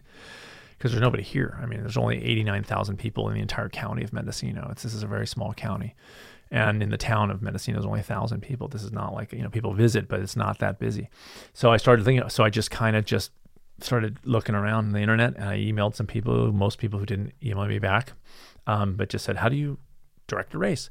Um, and I got a contact from somebody who had directed some marath- road marathons, but he sent me this guide that he got and said, here, try this. And some of it was not relevant to ultra marathoning, but in general, how to race direct, I kind of kind of a good thing. And so I just went to state parks and and um, and a buddy of mine uh, who works at the Stanford and also Rick, who knows the trails really well. I said, "Can you help me craft a tra- uh, a run that's a loop, that's 31 miles, a 50k? So And- it's one loop. It's one loop. It's one loop. Yeah, and and and I, and I wanted to see. I said, I I don't know where you're going to go with it, but I want to see the river. Yeah. I want to see redwoods. I want to see the waterfall that I knew was up Rush, Russian Gulch. It's a state park, and I said, I, and I want to see the ocean. Yeah. Those are the things. If you can make me a loop, and I think within a week, he's like, here you go, boom, 31. Wow, it was about 30. It was about 32. And now it's pretty popular. I It was popular. The Yeah. first year it sold out. And, and then Uh, you, yeah, because it has a limit to 150. 150. The first year was That's a hun- very first exclusive. It is. The first Yeah. year was 75, um, Yeah. and I had eight people signed up after the first month. And I thought, okay, eight. Yeah. The next month after that, I was already up to 75. And then I bumped it up to 100, and then I sold the rest of those Yeah. 25. The next year was 150, and it sold out within a week. And this year sold out within three days, 150, and I'm keeping it at 150. Yeah, I think you should. it's intimate. It's it's a it's all the things that bothered me about other races I've done, like you park somewhere and you have to take a bus or a shuttle to the Yeah. thing, and you're it's dark, you're cold, and it's uh, too many people. And this was like, no, I'm gonna have 150 tops. I'm gonna have a loop so you can park right where the start is. You could show up to my race five minutes before the start line and Yeah. get there, no problem. Like you don't have to get there early. Like you, I started at 7:30 because I didn't want to start earlier than that. Me, and so I- Seven thirty. yeah, That's early enough. Yeah, no, I I was like 7:30. I'm Yeah. starting at 7:30. I do don't you, ha- do you have a time limit? Um, nine and a half hours, so I leave people plenty of time to get through. Like all the that's things that I was just like, you know, I don't want people to end up, and then No. and then like the Stanford Inn sponsors it, um, Jeff and Joan Stanford, and so and the Ravens restaurant provides the food. Oh wow, that's So nice. and and I I didn't did want eat there, and Okay. that was some really good food. good stuff. Good, Yeah, thank you. Uh, I mean, I can't take credit for it, but I I love it. And Yeah, and but so, you do you grow the plant? The, the, a lot of the, produce, is good. They grow. Yeah, yep, yeah, a lot of yeah, produce yeah. they grow, and and those those uh, Stanfords, nobody does it like they do it. I mean, period. There's nothing like that place Wow. almost in the world. And um, but the food at the party at the race is for everybody. Like I didn't want this thing of like have your bib number and check you off, and you get food, and everyone Yeah, has to yeah. watch you eat. Like no, Yeah. it's a party for everybody. so there's food wow, for. cool. I mean, people who watch the race to people who volunteer. Everyone eats. Um, there's cool. beer. It's just fun. Yeah. You know, it's just fun. Okay, Sid. I think we took it uh, pretty far. I haven't seen how many, how long. What does done, but, uh, 1606 mean? I'm joking. I know it. I know what the, I know what the European clock looks like. Uh, Why do you have the PMAM here? I don't know. understand. One of the dumber no, things. no. Yeah, it makes sense. That's, It's like the metric system in Imperial. yeah, yeah. Uh, I know. I know that you actually. We're not going to talk about that, but maybe another time. Okay, maybe we'll whenever Skype. But you did write another book called. Raising healthy parents, small steps, less stress, and a thriving family. So maybe we'll, maybe another time we'll talk about Yeah, kids. yeah. I'm actually reading that book Oh, now cool. because I have kids and I'm a parent. And Yes. I can I can kind of think what you're write, uh, writing, or Uh-huh. kind of, but uh, I want to read it and Cool. I look forward to it. Cool. Uh, apart from that, I just want to say thank you for Oh, my pleasure. taking me down to studio, and uh, I'm going to ask you now on record if I can take a picture of you sitting there, Absolutely. and then um, I'll take a picture of you outside, maybe. And Absolutely. then, um, I leave it to it. All right, cool. Yeah. Such a pleasure. Thanks for having me on. Yeah, it was really cool. This Cool. was my first uh, interview uh, doing it this way ever. All right, So hot dog. hopefully there will be more. I hope so too. Yeah. Right on. Okay. Thanks, thanks. Mario. All right, thank you. Yeah, that was great, wasn't it? Wish I was back in Northern California. I'll probably travel there again. Um, the funny thing is, uh, as I'm recording this, uh, the Sid Hillman Quartet is going to play in LA tomorrow, which will be the 10th of February, on a Sunday. Uh, so I guess that uh, when you hear this, it's too late because this will be uh, released on the 11th of February. Um, but what I did, which is funny because it just shows that the world is really small. Uh, my friend uh, Lerche, that uh, uh, is a musician, uh, was on my last episode. He lives in LA. So today I just thought I just sent him an email and said, uh, "Hey, Sondre, uh, the guy uh, that's going to be next on my podcast is playing in a concert tomorrow. So how cool wouldn't that be if uh, Sondre went to the concert and met Sid Garza Hillman, and they're both on my podcast? Yeah, the world is really strange. Um, I was thinking something uh, this morning, actually, recording uh, before I was recording this, and my daughter, uh, it's her birthday, actually. The day this is released, the 11th of February, she's going to be uh, 10 years old. Um wow, 10 years. That's that's pretty. She's pretty big now. Uh, it's been a few years where I've been thinking like, yeah, my kids are small. You know, I have a daughter at six also, and you know, small. If you have kids, you know what I mean. It's like small kids are that's it's it's a lot to handle. I think uh, this is what Sid Garza Hillman talks about in his book Raising Healthy Parents. Like, what what raising healthy parents? You don't want to raise healthy kids? Yeah, you want to raise healthy kids, but uh, you want to actually take care of yourself. If you want to raise healthy kids, you have to yourself be at a good place, and this is so true when I became a father, I guess I was somewhere uh, else completely than I am now. And um, what I have learned is that I need to absolutely take care of myself to take care of my kids. I need to be really strong. I need to be awake. I need to be fit. I need to be kind, uh, which is hard sometimes to be kind because you're going to feel when you have kids that they're not being fair to you. Uh, absolutely. But then you just have to remember they're just kids. They are pushing the limits. They are. It's it's in our nature. So this morning when my daughter um, she was sitting there and she loves to draw. So she was just sitting there and drawing and uh, she had this YouTube video that she was looking at because she had seen this video about somebody drawing like an optical illusion and it was really cool. It looked like the drawing was completely real. Uh, it was really cool. It it had depth. It had the feel of the light and the shadows and everything. And she looked at the video and she drew drew it, and uh, it looked really good for a first draft, really. But then she just was like, "No, I failed. It was horrible and completely horrible." And I just tried to explain to her, "Well, nobody can do it perfectly uh, the first time."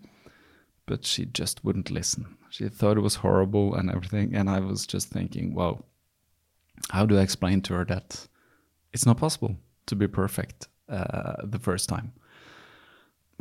I can't. She just has to experience it. That's the only way. But as she was crying, I just, I was thinking, I just have to let her experience this. And of course, it was before breakfast, so she was hungry and she was a little tired because she fell asleep pretty late last night. All these things that we know uh, as parents that will influence your mood, right? Yeah, you know what I mean. Um, I think uh, hopefully uh, we'll uh, take this uh, podcast out with one of uh, Sid Garza Hillman's songs from the Sid Hillman Quartet. Um, so wherever you are, have a good day, and hopefully uh, you will take one step at a time.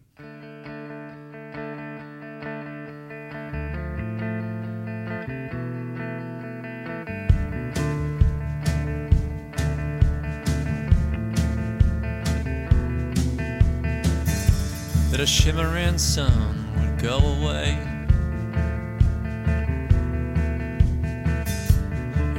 The words I couldn't say.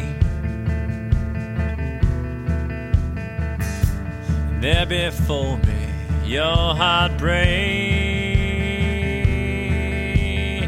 and I just watch it break. Yeah.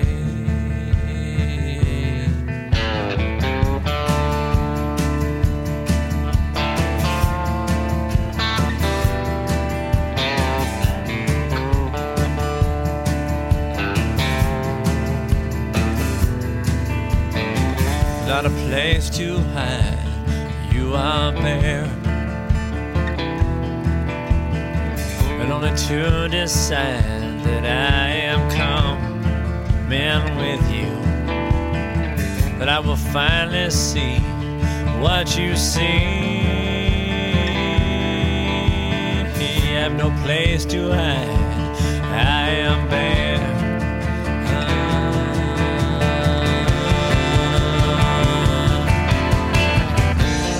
In a look, I'm lost in you. Put away. Fortune and will carry us away. Closed off from a simple. You have to take. In a look, I lay down with you.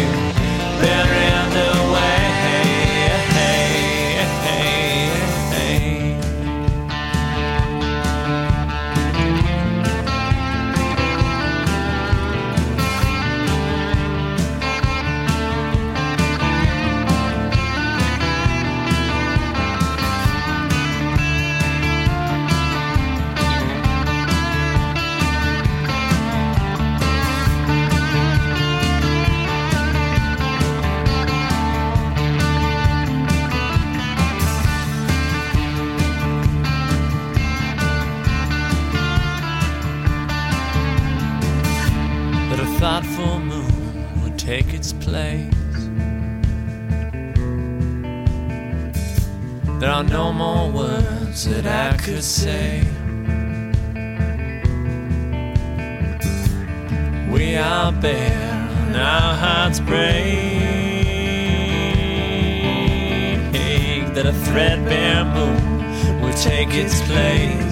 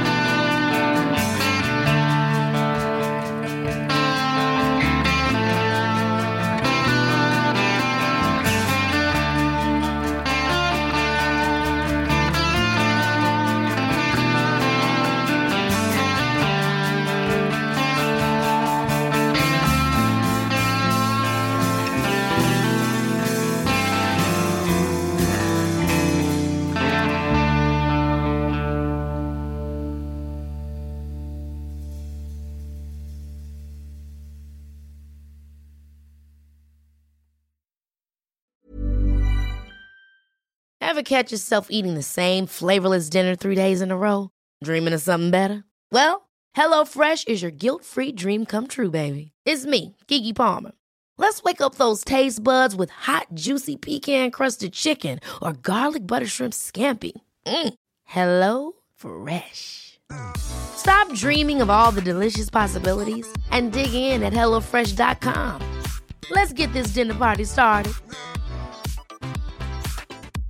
Hey, it's Paige DeSorbo from Giggly Squad. High quality fashion without the price tag. Say hello to Quince. I'm snagging high-end essentials like cozy cashmere sweaters, sleek leather jackets, fine jewelry, and so much more. With Quince being 50 to 80% less than similar brands.